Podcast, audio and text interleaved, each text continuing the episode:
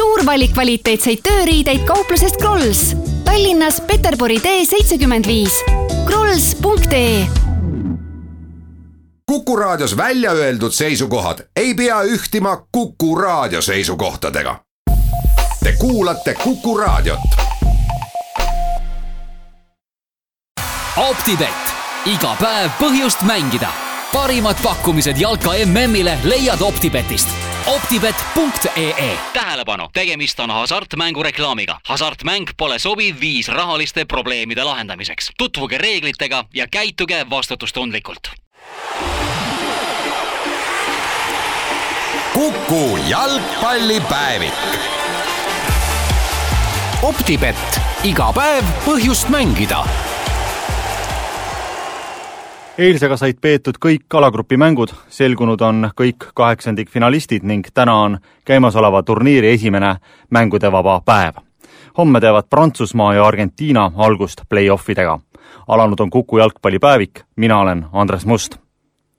enne saate sisulise poole juurde jõudmist tuletan meelde, et meil on käimas ennustusmäng, mille leiate Kuku Facebooki lehelt. ennustusmäng toimub Optibeti välja pandud auhindadele, milleks Eesti Rannajalgpalliliiga ametlik meeskonna riietus, pusasärk, nokamüts, lisaks Nike'i rannajalgpallipall. kuna eile lõppes alagrupi mängude viimane voor, saame teada anda ka uuest võitjast, kelleks sel korral Ülari Rebane, palju õnne! eile sai siis selgeks paremusjärjestus alagruppides ning eile tehti ka maailmameistrivõistluste ajalugu, kui Jaapanist sai esimene võistkond, kes pääses kaheksandikfinaali tänu ausa mängu reeglile. nimelt kogusid Jaapan ja Senegal võrdselt neli punkti, võrdse väravasuhtega neli-neli ning otsustavaks sai asjaolu, et Jaapan oli teeninud kaks kollast kaarti vähem Senegali väljakukkumine tähendas ühtlasi ka seda, et esmakordselt pärast tuhande üheksasaja kaheksakümne teist aastat ei jõudnud kuueteistkümne parema hulka mitte ükski Aafrika meeskond. aga heidame nüüd põgusa pilguga senisele statistikale. neljakümne kaheksas seni peetud mängus löödi sada kakskümmend kaks väravat, mis teeb keskmiseks kaks koma viis väravat mängu kohta. vähemalt kaks väravat lõid kõik meeskonnad ning kõige rohkem üheksa lõi Belgia väravani on jõudnud kaheksakümmend kuus mängijat, üheksa mängijat on löönud oma värava. resultatiivsem mängija on Inglismaa koondise ründaja Harry Kane viie tabamusega.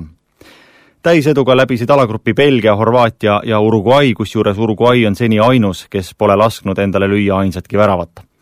kokku on näidatud sada viiskümmend kaheksa kollast kaarti, punaseid kolm. enim kollaseid üksteist näidati Panamale Panama kohtumine Belgiaga on ka senise turniiri kaardirohkem, kokku said meeskonnad kaheksa kollast.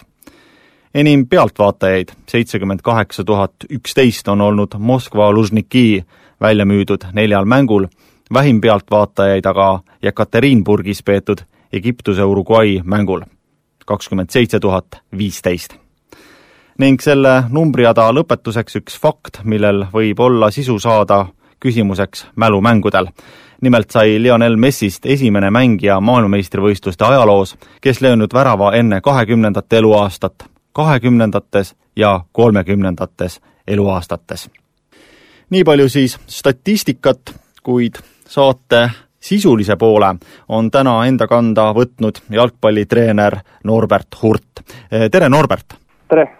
Sa oled nüüd äh, Eesti Rahvusringhäälingus äh, maailmameistrivõistluste ajal kaks nädalat olnud tublisti ametis, äh, tihti eetris, et küsimus võib-olla sissejuhatuseks selline, et kui palju maailmameistrivõistlused sulle muudeks tegemisteks üldse aega jätab, et kas sa oma põhitöös oled pidanud palju korrektiive tegema? ei, väga palju ei ole, et ma ikkagi päevas enamjaolt ma keskendun klubi arendamisele ja ja teen ka koondise tööd natukene, juhendan noortekoondist, et ei, ma arvan, jõuab nagu kõike teha, et teisalt on ka natuke võib-olla hea see, et, et äh, MM-i mängud ikkagi on seoses ka minu tööga olulised ja ja ma saan nagu sealt ka tegelikult isegi ennast nagu täiendada ja midagi ka klubi jaoks olulist kaasa võtta. no taustaks on kuulda, kuidas sul äh, poeg äh, püüab ka sõna sekka öelda, et kui vana ilmakodanikuga tegemist on tema on nüüd meil aastane, et tema jah, siin ka aktiivselt on jalgpalli vaadanud kõvasti ja püüab ise vaikselt kaasa mängida. aga teeme siis nii ette kui tahavaateid ja alustame võib-olla kohe seniste maailmameistrivõistluste küllap enim tähelepanu pälvinud sündmustikuga ja nimelt Saksamaa väljakukkumisega. sa kaheksa päeva tagasi, Norbert, ütlesid siinsamas jalgpallipäevikus, et tänapäeva kaitsemäng on tervikuna muutunud eh, sedavõrd tugevaks, et eh, selle murdmiseks on vaja selliste eriliste oskustega mängijaid, individualiste nagu Messi, Neimar, Ronaldo seda on, ja sa ütlesid, et Saksamaal üldjuhul selliseid mängijaid pole ja täna arutabki jalgpalli Saksamaa selle üle, et üheks suurimaks MM-eelseks veaks näiteks oli Leroy Sané väljajätmine, kel kõik need sinu nimetatud omadused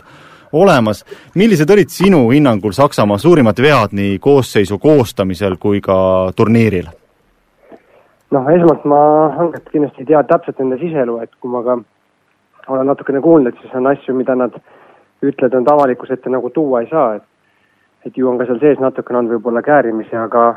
aga jah, ütleme noh, eks nende valukoht on olnud see, et kui tänapäeva jalgpall ka kaitses on muutunud nii palju tugevaks ja ja väga hästi teatakse vastase mustrid, need ikka alati joonistab välja mingi kindel muster. ja kui Saksamaa on mänginud ka, ütleme ikkagi lõpuks nagu etteaimatavalt nii-öelda, et, et sa hakkad nagu nägema mängus mingid asjad korduvad, korduvad, korduvad, kaitses sa kohaned sellega, suudad võtta vastavad otsused vastu, need käivad kinni panna, ja siis ongi, et tänapäeval nagu on näha, et et jällegi olulist rolli hakkavad mängima mängijad siis, kes suudavad selles äh, tüüpilises väljakujunenud mustris midagi ise midagi uut luua ja need mängijad, kes selleks võimelised on, need ongi need, mis äh, muudavad mängu ja muutuvad väärtuslikuks, nii et ma arvan, see ühtepidi on saanud Saksamaale saatuslikuks, et ta on, ta on lõpuks nagu etteaimatav. no palju on räägitud ka sellest, et äh, Saksamaa koondises olid mitmed maailmameistrid ja neil lihtsalt jäi puudu motivatsioonist, et millised võiksid olla need tehnikad, meetodid, millega motivatsiooni taastoota? Ütleme ühtepidi Äh, iseenesest äh, mängida MM-il, äh, vaadates ikkagi siin erinevaid mänge, et see peaks olema nende jaoks pigem ütleme loomulik, et sa oled seal kõrgelt motiveeritud, sa tahad seal osaleda, et kui selline tunne tekib järsku, et nagu motivatsioon on langenud või et ei, ei suuda rohkem, et siis peab nagu mänge sisse vaatama, sest et no võtame kas või Real Madridi, kes on kolm korda järjest on ju nüüd suutnud võita meistrite liiga, et neid näiteid on, kes ikkagi on jälle hästi valmis, hästi motiveeritud. Saksamaa ise tegelikult on jõudnud enamjaolt alati nelja hulka. see, seega ütleme, see on pigem selline ühekordne, ma arvan, moment, kus Saksamaa praegu ebaõnnestus ja, ja, ja tänapäeval on ka ütleme, psühholoogide roll muutunud oluliselt suuremaks. kui suurt on, rolli võib mängida see, et tippmängijate koormus lihtsalt on äh, nii suur ja, ja ega millegi muuga nagu eriti vist ei suuda põhjendada näiteks seda, et äh, Toni Kroos teeb Rootsi vastu äh, ligemale kümme valesöötu, see on mingi väsimus? pigem ta meenutab nagu seda rohkem, et seal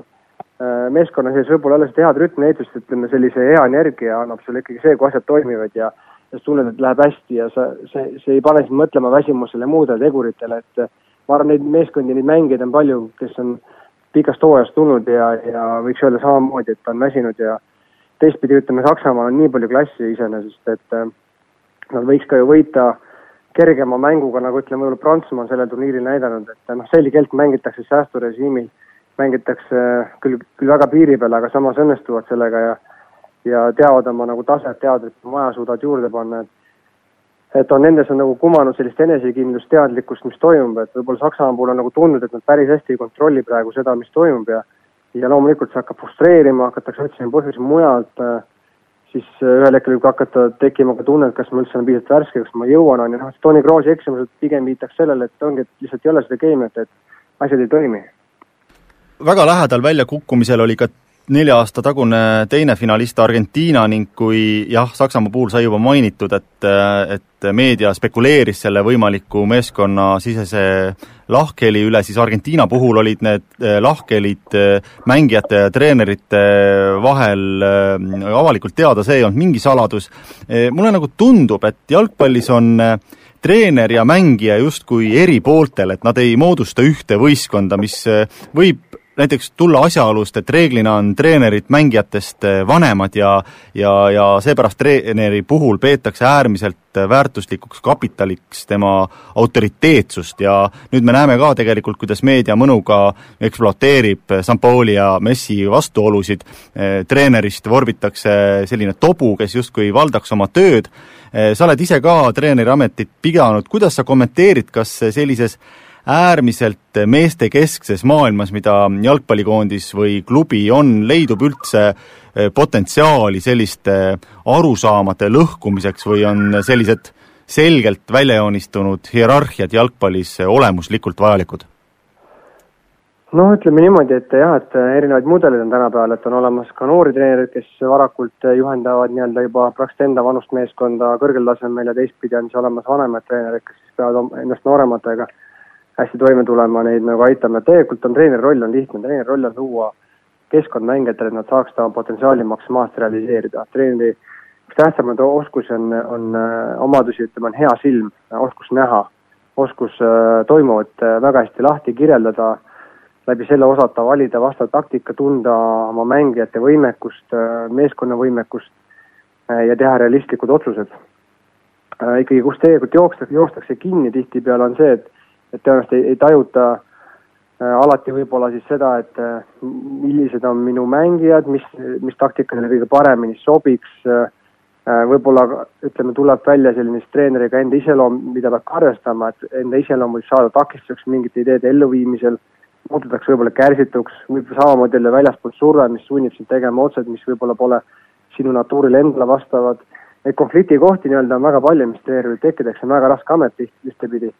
et sa oled nagu pedagoog, teistpidi sul on äh, ikkagi sportlikku tulemust oodatakse, sul ei anta väga palju aega. et seal on äh, kindlasti oma, oma, omajagu ka vastuolusid, mille suhtes tuleb leida hea lahendus. Äh, ma ei usu, et treenerid peaks olema või et ei saa olla vanem treener, pigem on, on teatud treeneritüübid, kes ongi vanemad, nagu võib-olla ka Ferguson, kes väga hästi oma tiimi juhendas ja nad muutuvadki selliseks võib-olla nagu natuke isa figuuriks, et nad, et, et treener on ka oma käitumist, oma olemuselt mängijatele eeskujuks ja ja kui võtame aga võib-olla sellise äh, ürgsema tähenduse, ütleme, aitabki siis äh, poistel sirguda meesteks. et ma arvan, see on üks võib-olla tähtsamaid rolle äh,, välisema, väliseid rolle treeneril just noore treeneri puhul on see keerulisem, kuna on raske olla eeskuju nii-öelda isamudelina, et, et siis tõenäoliselt on oluline olukorda osata paremini lahti kirjeldada, mis toimub ja mängijatel olla nagu hea peegeldus ja suuta saavutada kindlasti selline suhe, kus mängijad sind usaldavad, ehk su ideed peavad olema nende jaoks arusaadavad ja äh, ja suhtumine nendesse peab olema mõistlik. et äh, on olnud küll olukordi, kus äh, Villas Boas näiteks proovis teha Murillo äh, käekirja, ütleme siin erinevate meeskondadega, püüdes staare kiiresti paika panna, olemata saavutanud võib-olla veel sellist respekti ja, ja pigem ei õnnestunud. et, et ei, ei saa nagu kindlasti käituda kellegi teisena, et tuleb jääda iseendaks. ma arvan, et see on läbi aja kogu aeg saabki olema üks väljakutse treeneritele, et kuidas käituda ja ma arvan, ka see treenerikultuur äh, kogu aeg nagu kujuneb äh, järjest äh, paremaks, saadakse targemaks, aga kui ma võtan nüüd Argentiina, siis ma ütlekski pigem seal ikkagi, kui vaadata nende nagu mängu, et et siis see treener ei ole suutnud leida sobivat ideed Argentiina koondisele, tegelikult seda ei ole suudetud juba pikemat aega enne teda. et ähm, seal ma ikkagi arvan, kui mängupilti analüüsida, siis ongi näha seda, et et treeneril vähemalt selles rollis puuduvad kas vastavad ideed või ta on äh, millegi suhtes ise kuidagi liiga kärsitu, see mäng ei ole üldse jooksnud ja ma ütlen küll, et seal peegeldub küll väga selgelt ikkagi treeneri äh, käekiri, mille, mille, mille tõttu ma arvan, on ka põhjendatult ärritunud äh, alaliit ja, ja mängijad kui nüüd Argentiina on teinud muutusi ja nii-öelda varjatud peatreeneriks on tõusnud Messi ja tema seal lähikondlased, mängijad, parimad sõbrad, et kas see siis võib tegelikult ka päädida sellise väga-väga hea tulemusega, kas Argentiina võiks jõuda finaali ja võita selle turniiri lõpuks ära? no kindlasti on see võimalik, sellepärast et kui võtame lihtsalt mängijate potentsiaali, et siis seal on potentsiaal tohutult väga head mängijad ja potentsiaali piisavalt, et jõuda maailmameistriks. ja, ja ma usun, et võib-olla üks moodus võibki olla see, et ega neil ei ole nagu väga palju juurde vaja, vaja nagu panna, pigem on võib-olla baasprintsiibid panna paika ja, ja lasta seal sees mängijatel rohkem luua. tulevad ikkagi sellistest klubidest, kus mängitakse ka väga loovat eh, tehnilist jalgpalli, milleks neil on ilusti mängijad olemas, nii et, eh, et see võib tuua muutuse, kuigi ütleme, alagrupi viimane mäng, kus tegelikult juba oli siis peatreeneri nii-öelda roll nagu vähenenud äh,, peab ütlema, et nad ikkagi ei tulnud toime ja see mäng muutus äh, liiga selliseks võib-olla individuaalseks, et ei suudetud leida meeskonna rütmi, aga aga nüüd on jälle rohkem aega ja on mingisugune võib-olla selline esmane pinge maas, nii et äh, ma usun küll, et nad on ühed äh,, üks meeskond, kes võib nii-öelda siis äh, jõuda finaali.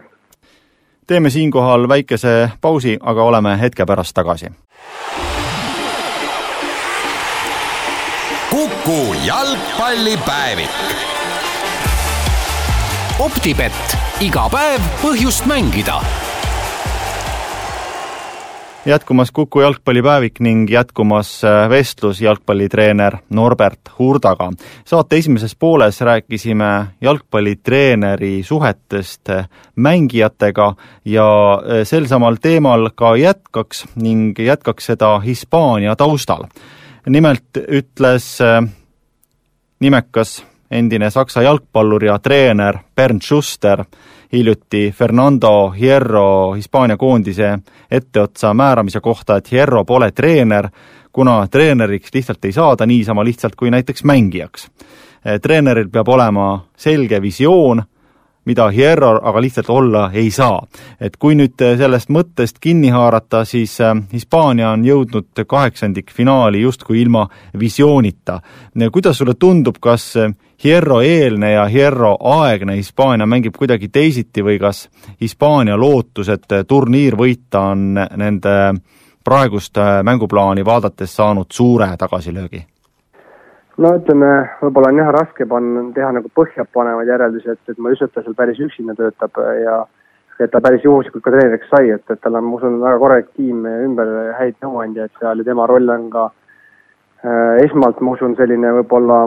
autoriteet, kuna ta oli autoriteetne mängija koondises, äh, et, et võib-olla selline, keda mängijad kiiresti usaldaksid ja ja kes annab samas sellise nagu mängijale võib-olla hoopis rohkem vastutust heas mõttes, et nad saavadki väljakul ise rohkem luua ja vastutust võtta. Äh, küll ütleme jah, neil ei ole olnud kerge tegelikult, et äh, et mängud on tulnud neile raskelt ja ei ole, ei ole võib-olla mängus on ka seda piisavalt sellist muutust, et on väga ühekülgselt mänginud hästi hästi paljude söötudega püütakse jõuda sinna värava alla välja, aga suudetud ikkagi nende käigud kinni panna, et nüüd on minu jah, küsimus see, et kas tal on nüüd võimal-, võimalus või see oskus tuua oluline muutus sisse, kui mäng nõuab seda. ja selleks on vaja tihtipeale kogemust ja nüüd sõltubki, kes on tema nõuandjad. aga teisalt võtame näiteks Zidani on ju, kes äh, ta küll oli küll allpool ka nagu Reali duublis treener ja nii edasi, aga ta on ka väga noor, äh, äh, kes, või ütleme ka mängijast, kes tuli nagu värskelt treeneriks ja tegelikult on saavutanud tohutut edu, on ju, et ka jälle küsimus, et mis moel ta seda saavutanud, üks on tema võib-olla isiksuse autoriteet ja teine asi siis need nõuandjad seal ümber, nii et et kindlasti ei ole, Herral tähendab, ütleme, ei ole seda kogemust äh,, äh, aga, aga päris visioonita ma seda ei nimetaks, et äh, ma arvan, et ta on küll selline küsimärk, aga võimalus neil ikkagi ka jällegi jõuda, jõuda kaugemale on, kuna jällegi mängijate klass on kõrge ja ja seeläbi ma usun, me ei saa neid alahinnata jah, et selline leida balanss äh, sisekliima ja meeskonna oskuste vahel, et sealt tõenäoliselt kes, kes selle vahel leiab sellise kõige parema klapi, see tõenäoliselt viieteistkümnendal juulil maailmameistriks ka tuleb. aga sellel turniiril muidugi üks suuri teemasid on videokohtunikud ja ma küsiks sult sissejuhatusekski siis sellise kaheosalise küsimuse, et esiteks, milline on sinu üldine hoiak Äh, selle tippjalgpalli suure uuenduse ja, ja paratamatuse suhtes ning kuidas selle rakendamisega maailmameistrivõistlustel toime on tuldud? no ütleme, esmalt ma, kui see varr tuli nii-öelda, siis ma püüdsin olla eelarvamuste vaba ja, ja näha, et mis muutuse mängus toob, nii et mul ette mingisugust hinnangut selle kohta ei olnud ja minu esimene võib-olla sinna aga oli see, et kui palju selle tõttu hakkab mäng seisma. ja, ja see, ütleme, võib-olla äh, mis on positiivne kindlasti, on, on see, et, et teatud äh, rasked otsused ja ütleme, kriitilised, äh, olulised otsused tõesti vaadatakse üle ja, ja, sealt suudetakse teha see äh, ikkagi tundub enamjaolt õige otsus, eriti just võib-olla kas oli suluseis näiteks olukorras oli noh, väravatehnoloogia aitab muidugi seda määrata, kas pall läks üle joone. Äh,, samamoodi need penalti olukorrad, et äh, kui ikkagi on näiteks seda penalti olukorda reaalselt, siis suudetakse seal teha otsuse, et seda ei olnud, küll on tihtipeale võib-olla mõnikord raskem, et oli, aga jäetakse ikkagi andmata. ta muudab mingil määral, tundub selle mängu õiglasemaks, aga teisalt jällegi ohud on nagu see, need, et äh, nüüd mängijad väga tihti äh, jooksevad kas kohtuniku juurde näidates varrimärki või jooksevad täiesti väljaku kõrval oleva neljanda kohtuniku juurde, et, et no hakatud palju rohkem nõudma, et vaadake nüüd üle, vaadake nüüd üle, et kuidagi nagu fookus läheb mängult võib-olla rohkem ära, sest teatakse, et kohtunikul on võimalus olukord järgi vaadata. ja, ja nüüd on, ma arvan, see oluline leida läbi selle kuidagi tasakaal, et ikkagi kohtunikule võib-olla tuleks anda nagu rohkem seda vastutust, äh, kus ta ikkagi, et mängijad ja treenerid tajuks, et ikkagi peakohtunik on see, kes otsustab et kohati võib-olla jääb praegu mulje, et teatud otsused võtab vastu Varr, kuigi on öeldud, et peatreener alati ikkagi ise otsustab, tema saab info võtta vastu videokohtunikult ja siis teeb ikkagi peakohtuniku otsuse, aga peakohtunikku tänapäeval püütakse nii palju mõjutada ja teisalt ka ütleme, need piirikohtunikud, kellele on antud ülesanne, et kui on kahtlane olukord, et pigem ära lippu tõsta, on tekitanud selle, et on ka selgeid olukordi, kus on ka jäetud lipp tõstmata. ja lõpuks ajabki mängijad segadusse ja treenerid segadusse. et äh, ma nagu ei oska veel öelda, kas see on halb või hea, et kui sellega leida võib-olla hea tasakaal, võib-olla ta isegi toimib, sest ta muudab just eriti elutähtsad otsused nagu õigeks, et kujutame ette, et sul kastist selgelt tehaksegi viga, tõmmatakse maha sind ja ja ei anta kaarti ja sul on see võimalus minna juhtima nii tähtsas mängust pääseda edasi ja vastupidi, et sulle antakse penalti ja tegelikult ei olnud, mis on võib-olla veel hullem, et sulle antakse penalti, tegelikult on kordusest näha, et mängija selgelt või isegi polnud võib-olla kontakti, kohtunik allanurgal ei näinud ja tegelikult sellest tuleb võib-olla värav, kus sa jääd äh, MM-ile pääsemata või, või MM-ilt ei pääse alagrupist edasi. et need otsused on kindlasti kohad, kus sa tahad, et asja, õiglus oleks nagu paigas. Ma arvan, et tuleb leida veel õige tasakaal, enne kui öelda ühte või teist, et kas asi lõpuks toimib või ei toimi. kui nüüd äh, otsida videokohtuniku töös äh, positiivseid asjaolusid, siis on välja toodud, et sel olla suutlikkust Äh, jalgpalli puhastada, et ründajad teavad, et nende pikaliviskumise püüab kaamera kinni, kaitsjad teavad, et särgist tirimised ei jää märkamatuks, kuidas sellist seisukohta hindad, millist psühholoogilist mõju see mängijatele avaldada võib? no ütleme, need äh, olukorrad just, kus äh, eriti näiteks simuleeritakse palju, mulle nagu tohutult meeldib, kui suudetakse need kontrolli alla saada, et ei oleks mingit teesklemist, sest ikkagi väga palju on kuulda, kus inimesed, kes võib-olla ka e, ei ole nagu jalgpallis nii palju sees ja, ja vaatavad seda nii-öelda asjaarmastajana, siis e, võivad ühel hetkel ikkagi kritiseerida, et mulle jalgpall ei meeldi sellepärast, et seal on nii palju simuleerimist ja pikali viskamist ja sellist e, lolitamist nii-öelda, et ma arvan, et see on oluline, kui need asjad ära võetakse. aga ja, ja kaitsjate puhul samamoodi ütleme, et et kohati öeldakse, et see võib-olla polnud penalti vääriline kontakt nii-öelda on ju, aga teisalt ta muudab ka kaitsjad äh, meisterlikumaks, et ei saa ikkagi oma kastis ei saagi võtta niivõrd palju riski, minna joosta ründajale otsa täiskiirusel. Äh, et sa peadki arvestama sellega, et sellest võib tulla penalti, sa pead muutuma targemaks, et see võib isegi mängijate klassi nagu tõsta ja ma arvan, et kui ma olen mängija, et siis ma nagu küll nüüd ei saa olla sellepärast pahane, et keegi ei luba mul enam teha nii-öelda jama väljaku peal. et pigem ta ikkagi muudab, ma usun, selle mängu selle võrra kvaliteetsemaks. selline sai siis tänane jalgpallipäevik, suur tänu, jalgpallitreener Norbert Hurt. täna on siis jalgpalli maailmameistrivõistlustel esimene puhkepäev, kuid homme teevad Prantsusmaa ja Argentiina algust kaheksandikfinaalidega. ilusat õhtut! kuku jalgpallipäevik. optibett, iga päev põhjust mängida